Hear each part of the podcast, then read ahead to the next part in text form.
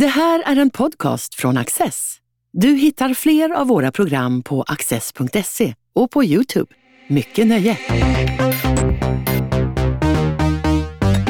Få akademiker intervjuar kända ledare för Hamas och Hizbollah som en del av sina fältstudier. Men det är precis vad Magnus Ranstorp gjort under sin långa karriär som forskare inom terrorism och islamistiska organisationer. I boken Från terrorns frontlinjer berättar Ranstorp om hur han från första parkett har följt utvecklingen av terrorism i världen. Magnus, hur, hur blev du terrorismforskare? Hur gled du in på det där? För det är inte bara av en slump och du har ju varit det i rätt många år nu. Så kan, kan du ta det lite grann från början? Ja, ehm, det har varit en lång resa. Jag var ett par år i USA och ehm, studerade och eh, kom hem till Sverige och eh, kom sedan till eh, gästforskare på Utrikespolitiska institutet. Eh, jag, eh, eh, jag såg då att det fanns många terrorincidenter och händelser i Sverige. Vi hade ett fall med Abinidals operativa befälhavare var stationerad i Sverige, gift med en svensk kvinna. Det här är 80-talet alltså? Det här är 80-talet, det här, det här är slutet på 80-talet och eh, då hade vi en vapengömma utanför Arlanda. Uh, vi hade även också haft, bara några år tidigare, en cell som kom ifrån Uppsala som hade åkt ner till Köpenhamn och bombat uh, olika flygbolag uh, och, och även också försökte bomba judiska institutioner. Så att det fanns terrorister i Sverige. Eh, och eh, jag började borra i det lite grann och eh, tyckte att vi borde ha någon konferens om internationell terrorism. Och så jag, jag arrangerade det. Men jag fick också möjligheten till att av amerikanska ambassaden att åka på sån här International Visitors Leadership Program. Vilket innebar att jag hade ju en önskelista om vem jag ville träffa där. Och det var ju allt ifrån akademiker, FBI, jag fick träffa CIA, eh, jag höll föredrag eh, på Harvard för eh, National Security Fellows. Och det här, du är ungefär 23-24 något sånt där? Ja, 23-24 och det var ju ganska häftigt att komma in liksom i den här sfären. och, och jag frågade om folk ville komma till den här konferensen och arrangerade den. Uh, sen uh, uh, så hade vi den konferensen och jag fick även åka till en brittisk konferens som heter Wilton Park som många som är inom statsvetenskap känner till. det här är en herrgård och där träffades också en helt otrolig mängd olika op operativa personer. så det blev början, det blev startskottet till att jag började detta och sen då så träffade jag min eh, handledare eh, Paul Wilkinson. Han var professor, han skulle flytta från Aberdeen University till St. Andrews och jag följde med honom dit och det var så det började. Mm. Och du blir inriktad och specialiserad på eh, Hizballah som, alltså, som är en shiitisk Eh, grupp, eh, milis, vad man nu ska kalla den, verksam i, i Libanon bland annat. Och ja. hur, hur kommer det sig att du inriktar dig på dem? För att det här blir inte bara ett akademiskt intresse för dig. Det är inte bara det att du sitter och slår i böcker. Google finns inte ännu, så du sitter på biblioteken. Det blir också rätt rejäla fältstudier och det här tror jag någonting rätt många kanske inte tänker på att man terrorismforskare gör, det vill säga att du åker ju och träffar faktiska ledare i organisationer som utför terrordåd. Ja. Och jag vill veta hur du liksom gick från akademiska till fältstudierna. Ja, men man försöker utforska um, hur fältet ser ut och vad finns i öppna källor. Men så finns det ju inte, alltså det finns ju, om, om bordet är runt och då ser vi liksom, det är det här vi ser. Men jag ville, jag ville titta utanför uh, och, och, och hitta nya ingångsvärden. Det får du bara genom att du intervjuar um, policymakers, uh, beslutsfattare, militärer, säkerhetstjänster, men även också terroristerna själva eller terroristgrupperna. Um, jag blev intresserad av Hezbollah framförallt eftersom gisslankrisen i Libanon var så påtaglig under hela 80-talet.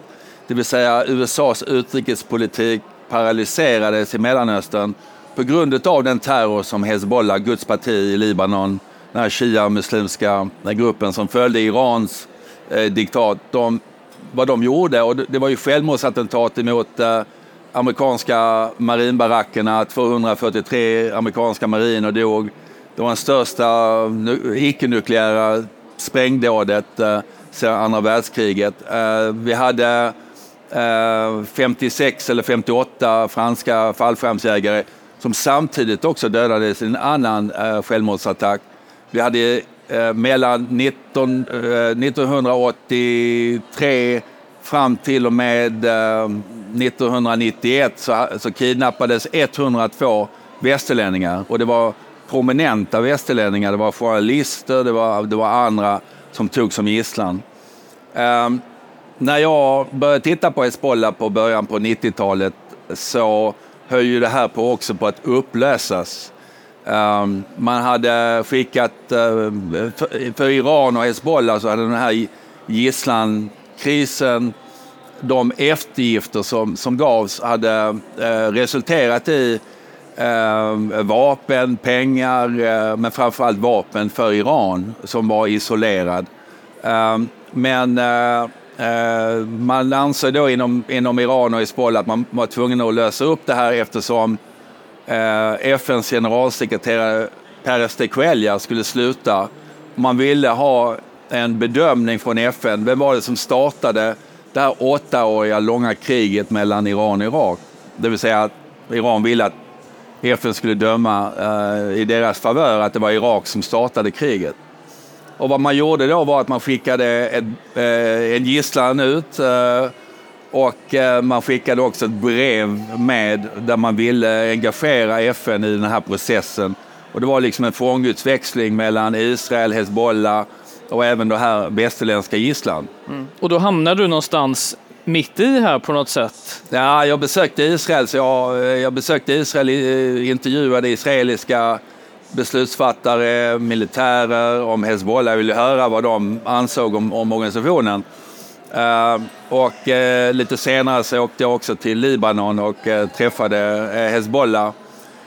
men jag hamnade mitt i det för att personen som löste upp gisslankrisen var en fantastisk två meter hög italiensk diplomat som man kan säga det var Pérez de Cuellas um, James Bond. Um, han löste uh, upp det mesta. Uh, han mycket imponerande. Han, uh, han eh, såg till att Sovjet tågade ur Afghanistan. Han var med i förhandlingarna där.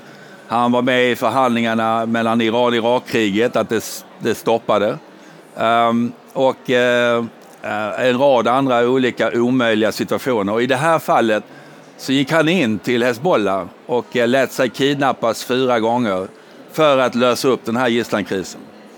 Ehm, så han var min hjälte. Eh, och det nämner jag också i boken. Eh, han, är min förebild. Och jag lyssnade på honom hur... För då sitter jag och skriver om Hezbollah och sitter och skriver om de här, den här situationen. Uh, och han blev min hjälte och jag lyssnar på honom. In, otroligt intressant. Vi får kontakt. Ehm, han tycker att min analys är bra uh, om att ha kunnat skala av alla de här olika lagen. Uh, och vi håller kontakt och uh, sedan blir jag indragen i två omgångar med att ha kontakt med Hezbollah Uh, en gång uh, i relation till att Israel ockuperade södra Libanon. Uh, och enligt FN-resolution 425 så skulle man dra sig tillbaka. Eh, det vågar inte Israel göra eftersom man visste inte hur, om, Hezbollah skulle fortsätta. Eh, och eh, när man är ung och ja, precis doktorerat åker man på konferenser. Jag åkte till en konferens i Oxford och då presenterar jag två papper, inte bara ett, men två papper om Hezbollah. Och det handlar inte bara om Hezbollahs terrorism, utan det handlar också om hur Hezbollah, Hezbollahs politiska, sociala, militära verksamhet hänger samman. Och terrorismen är då inbäddat i detta. Och, och eh, jag förde fram en tes att Hezbollah kommer inte att fortsätta, men de kommer hitta konfliktytor. Eh, då blev jag kontaktad av, eh, av någon som var inom den israeliska ambassaden och sa vi har någon som vi vill att du ska träffa. Och det var eh, Ehud Barak. Eh, men jag nekade till att träffa honom faktiskt. Jag åkte ner Han var, var han utrikesminister då, eller vad hade han för Eh, position? Jag kommer inte ihåg. Han, han var i opposition, men han har varit premiärminister. Försvarsminister. Um, eh, men jag åkte sedan ner och eh, fick, eh, vad ska jag säga, diskuterade det här. Och, och eftersom det var legitimt att Israel skulle dra sig tillbaka så ansåg jag att det fanns inga vad ska vi säga, eh, problem med att eh, sondera detta eh, för, med Hezbollah. Men man, är naturligtvis lite orolig när man ger sig in i lejonkulan och säger att man har haft kontakt med den andra sidan. Så då åker du till Beirut, inte direkt från Israel, för det kan man förstås inte göra. kan Utan... du inte göra, så du måste åka via Jordanien eller, andra platser. Och, då ska man också veta att de södra förorterna som Hezbollah fungerar, det, det Till Beirut då, eller? I Beirut, det är väldigt spöklikt. Um, um, det, det är fortfarande liksom krigets sår. Uh, hela stadsbilden är sargat. Det ligger bilvrak, det, det bränder. Um, uh, du har uh, Hezbollah kontrollerar allt i området. Så då åkte jag in med en fixer och fick kontakt med ledarskapet. Och, uh, sedan började en process att uh, skicka budskap fram och tillbaka emellan. För då är det alltså israeliska soldater som har blivit kidnappade på gränsen, då, den gamla gränsen. Nej, det här är den andra gången. Den andra gången, Ja, ja. Så det här handlar mer om att eh, kommer Hezbollah fortsätta över gränsen. Just det. Ehm, eh, sedan i maj 2000, eller jag, jag beskriver det i boken ganska ingående vad som händer. Men, men sedan så drar sig, ehm, drar sig eh, Israel tillbaka. Eh, och eh, eh, man säger att jag, jag har varit med och övertygat, hjälpt till i den här processen. Det säger man på israelisk tv och då visste jag att då, då kan jag inte åka tillbaka. Nej. Och några år senare då så, eller bara något, två år senare så kidnappas tre israeliska soldater och en affärsman.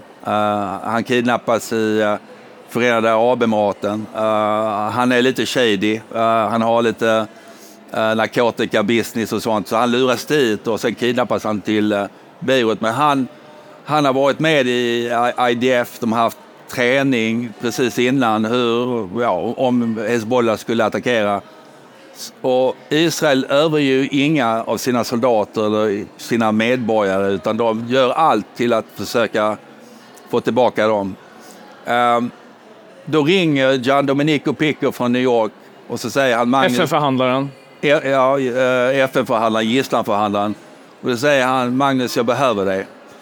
Uh, och uh, då uh, har jag honom i ryggen, men han kan inte åka för han är för känd. Och jag är okänd, så jag flyger under radarn. Och då får jag åka in igen. Men jag åker först till Israel och träffar alla gisslansfamiljerna Um, ehm, eh, och eh, ger en briefing om eh, vad jag hade sett. Jag hade varit tidigare i Beirut. Vad jag hade sett, vad jag hade upplevt. Uh, och uh, sedan då så, så får jag en uh, så kallad proof of life. Vilket innebär att jag får ett, jag får detaljer om en av gisslan, att den gisslan är sjuk. Eh, och eh, för att bevisa så alltså får jag ett brev också från eh, IDF som tackar mig för min humanitära insats. Det kan jag ha med mig idag för att bevisa att jag faktiskt agerar. Inte, inte Magnus Ranstorp privat, utan det här är ju liksom FNs medlare med Israel i ryggen. Det handlade också om att få loss Hezbollah-fångar, För de släpper ju inte någon utan eftergifter. Och hur går den här förhandlingen till rent praktiskt? Alltså hur är det baka in till ett konferenscenter och sätta Nej, sig Jag hade ett annat uppdrag samtidigt. Jag hemlighöll det för dem. Jag, jag är jag var expert för CNN innan 11 september och så jag, jag åker in, jag är där, jag har fått kontakter i, i, i en fixer som ska, alltså en person som hjälper dig ta ska dig fram. hjälpa mig ta fram och även också översätta.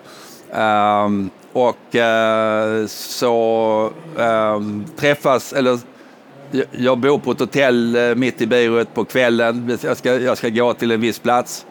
Uh, och uh, då hämtas jag upp i en bil uh, och får uh, liksom bindel, huva för, för, så jag inte kan se var vi ska åka. Så åker de runt, åker ner i ett garage. Um, och sen när jag träder in så åker vi upp till en lägenhet. Eh, och sen kommer mannen in och jag har ett budskap, jag har en skript. Um, och sen eh, ja, börjar diskussionerna. Man får ju aldrig besked med en gång.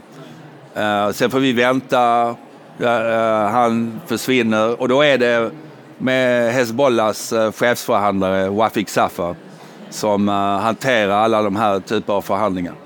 Men vi är ju inte de enda förhandlingarna. Så att uh, samtidigt som, som vi för förhandlingar så gör också tyska säkerhetstjänsten det. Och ni känner inte till sinsemellan att detta pågår? Ja, vi, vi, vi, jag vet att de, de tyska kanalerna har liksom strandsats, det har israelerna berättat. Uh, så det här är ett försök för dem också att leka upp den kanske. Um, men, och sen åker jag tillbaka, vi får inga besked. Sen ringer uh, Hezbollah hem uh, till oss. Det är faktiskt min syster som svarar. Och hon vet ju liksom inte att det, här är, det här är Hezbollah. Brorsan håller på att förhandla med Hezbollah? Ja, precis. Ehm, och, ehm, och då vill de att jag ska komma ner igen och då ringer jag Israel och då tror de att det kan bli för farligt för mig. Det är ju lättare för dem att hantera. Men de ger sig inte på den tyska säkerhetstjänsten på samma sätt som de gör en, en privatperson som agerar för FN. Så du åker inte ner då utan uh, helt enkelt. Men under tiden så, du, du, under den här tiden så intervjuade du även Hamas-företrädare.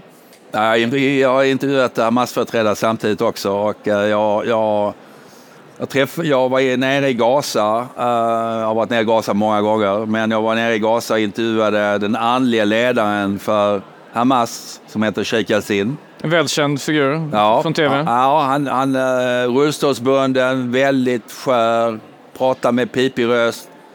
Och det enda jag tänker på när jag sitter i det här mötet med honom är att att eh, jag hoppas inte han dör under tiden jag är där. Och, det liksom, de säger att inte jag har gjort Precis, någonting. för det var något tillfälle då någon hade dött i just ett sådant möte. Och så det var, var någon som hade det, ja, ja. Och, och, jag blev väldigt lugn när uh, uh, Hamas Eh, personligheten, eh, han var ju inte ledare då, han var ju rätt okänd. Eh, Ismail Haniyeh, som blev Hamas-ledare sen, han kommer in i rummet. och sen får jag följa med Ismail Haniyeh när han är på en debatt i Islamiska universitetet i Gaza. och jag frågar honom också, jag, jag, vill gärna komma i kontakt med Hamas-ledare i Amman. kan ni ge mig de uppgifterna? Och han bara skrattade, sa han att eh, det, eh, det, det, finns säkert, alltså du, du, kommer säkert att hitta dem. Titta på Islamic Action Front som är Muslimska brödraskapets eh, del och inom några timmar hade jag alla Hamas-nummer, så jag åkte till uh, Amman och skulle intervjua uh, en Hamas-ledare som heter Mohammed Nazal. Uh, och vid den tidpunkten så hade uh, Mossad försökt ha ihjäl en högt uppsatt ledare med gift i, eh, i örat. De misslyckades, det blev en stor skandal. Det var då när, eh, när eh, Sheikh Yassin hade släppts från från israeliskt fängelse. Det misslyckandet ledde till att han kom tillbaka. Så när jag kom dit så var det ju säkerhetsläget, de är alltid nervösa och så vidare. Och då sitter jag i det här mötet och ofta när man pratar med, med Hamas så dansar de ju runt olika frågor. Jag dansar runt olika frågor. Det är inte så jag säger hur funkar terrorn? Hur eh, operativa detaljer? Men eh, det kommer faktiskt en mycket intressant anekdot från det här mötet där, där, eh, eh där han helt plötsligt eh, sträcker sig över till mig och så säger han eh, Vet du vad, eh, våra enheter från Hebron hade ett förslag på en operation. Eh, man ville eh, kidnappa en israelisk politiker och då, då, då frågade jag, sa han till mig då, då frågade jag enheten, vem, vem tänker ni på? Och då kom förslaget att de skulle kidnappa Ariel Sharon. Um, och jag vet inte, alla kanske inte känner till Ariel Sharon, men han är ju han är väldigt krigisk, väldigt, har mycket blod på sina händer. Otroligt hatad eh, figur eh, hos palestinier och så vidare ehm, för hans inblandning i Israels invasion av Libanon. Ehm, svaret han ger tillbaka till den här enheten var ehm, var inte löjliga. Har ni sett storleken på den här mannen? Det kommer att vara logistiskt omöjligt. Det kommer att kräva en eh, minibuss och fem personer. Uh, och, och, och, jag tog med den historien uh, och enda gången jag träffade Ariel Sharon i Knesset så stötte jag på honom och någon som sa, vill du träffa Sharon? Det är liten yta. Sa okej, okay, det kan jag väl göra. Um, och när jag träffade honom, han är, han är en väldigt bastant person. Um, och då berättade jag för honom uh, att han var för tjock för att uh, kidnappas av Hamas. Han älskade historien. Han sa, tror du jag betalar för mina livvakter? Jag är en enorm skugga för dem. Så i den här liksom oförsonliga konflikten så fanns det glimtar av humor ändå. Det är en katt och råtta-lek eh, och eh, det är på blodigt allvar. Det får man också komma ihåg eh, att det är otroligt lidande på båda sidor. Men efter att ha kuskat runt rätt mycket i Mellanöstern och åker på konferenser och forskar samtidigt så till slut så kommer du ju tillbaka till till Sverige, till Norden. Eh, ja. Familjebildning och annat gör, gör att du, du hamnar i Norden. Ja. Ehm, men du upptäcker på något sätt att det, det är svårt att bli profet i, i sitt eget land efter att ha liksom varit anställd och höll på i utlandet. Eh, alltså jag, jag, hade, jag hade åstadkommit uh, mycket i min karriär, tyckte jag. Um, CNN-expert, jag har vittnat för 11 september-kommissionen, jag har uh, briefat de flesta liksom regeringar, säkerhetstjänster och så här. Kom hem till Sverige. Och eh, det var väl så att jag hade kanske inte så bra koll på, på dels vad som var acceptabelt att diskutera i Sverige. Eh, jag kommer dock från Storbritannien där man lindar in mycket Eh, men man kan diskutera frågeställningar sakligt. Det blir inte personliga påhopp på det sättet. Ja, och sen så, för du är inblandad i det som heter Rosengårdsrapporten. Eh, ja. Där man ska nej, kartlägga civilsamhället, vad händer, vad finns det för liksom, faror och så vidare. Och det här slutade inte så bra? Nej, det var, ja, det, jag tycker det slutade bra. Vi hade ju rätt uh, med, med, våra slutsatser. Nej, men jag, jag var ju då på Försvarshögskolan och vi fick ett uppdrag från Nyamko Sabuni och det var att göra en lägesbild över, um, över Rosengård och, och, och uh, radikalisering. Uh, vi uh, åkte till Malmö, vi intervjuade, ehm, eh, eller vi fick kontakt med anställda inom Malmö stad. Vi hade flera seminarium med, med både Ilmar Reepalu och även andra inom, inom staden. Vi intervjuade 30 Ehm, eh, av de eh, tjänstepersoner och andra som hade jobbat längst i miljön ehm, för, att få, för att få en bild. Och vi, vi skrev samman den här bilden eh, och sen eh, presenterade vi den för Ilmar Reepalu. Stämmer den här bilden? Det var ju, eh, det var ju, eh, vi hade moralpoliser, alltså det vill säga hedersförtryck. Det fanns skolflickor som giftes bort. Eh, etc. Och vi pratade om e-bolagen, att det, måste ändras. Ehm, eh, så vi hade liksom många olika eh, slutsatser som idag inte är kontroversiella överhuvudtaget. Men när vi presenterade rapporten... Det är 2008, 2009 något sånt va? Det var 2009 i januari och då, står vi, då ville Nyamko Sabuni göra politik av det här. Um, och det var kanske misstaget vi gjorde var att vi, vi ställde oss på samma scen och bli indragen i det här. Och då, kom, då började kritiken eh, att vi inte hade pratat med dem som eh, var radikaliserade eller, eller, eller, extremister. Men vi sa vi kommer aldrig åt de här källarmoskéerna och så vidare i, inom ramarna för den tiden vi har. Det bästa vi kan göra är att prata med de som är närmast där. Uh, och uh, nej, det blev ett jäkla liv.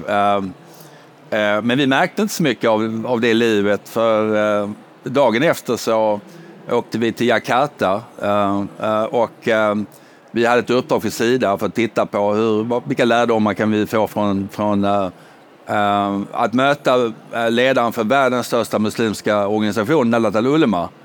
Ehm, det var lite absurt att vi, vi var där nere, vi höll kontakten med ledaren för världens största muslimska organisation och samtidigt i Sverige så blev man kallad för islamofob, man blev kallad för rasist för att vi hade gjort de här olika. Så det var, det var intressant att sen att komma hem också. Um, media jagade oss. Det var mediadrev. Du vet, det är jättesvårt att försvara sig när vi sitter nere i Jakarta, lite olika tidszoner. Studio 1 ringer och liksom, ja, men ni måste ställa upp på intervjun, ni måste ställa upp. Uh, och uh, uh det var lite svårt att, att värja sig.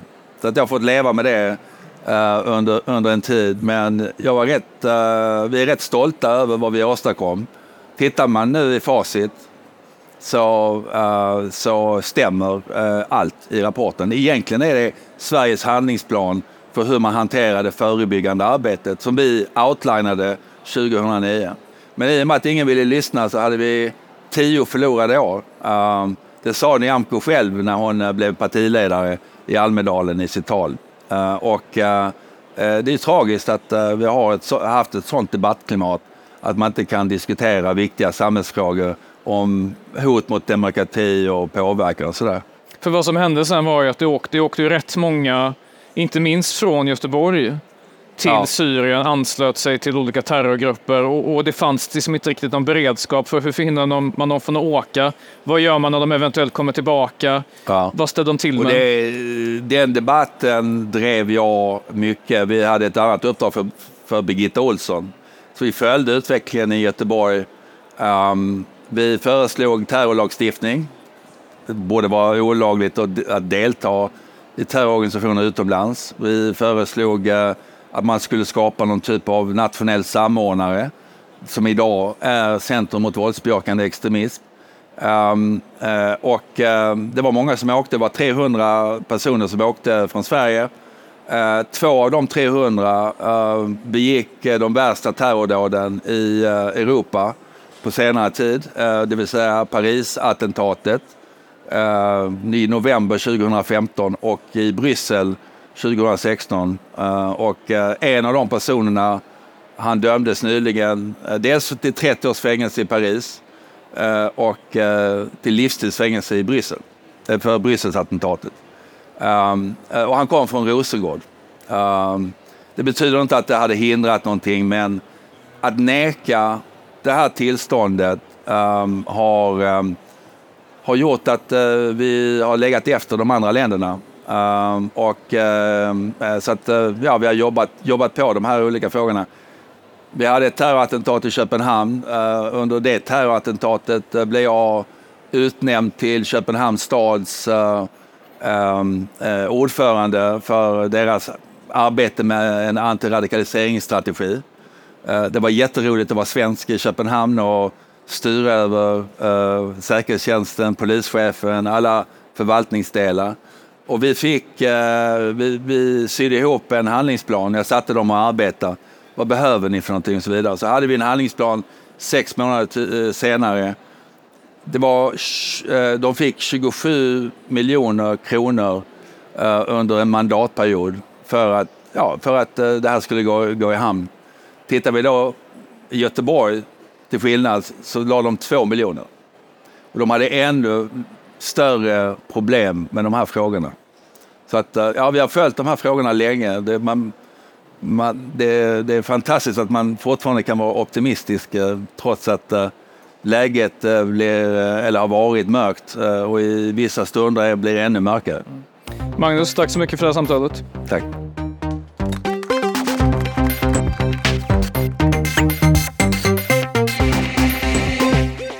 Du har just lyssnat på en podcast från Access. Du vet väl att vi också är en tv-kanal och tidning? Teckna en prenumeration idag på access.se.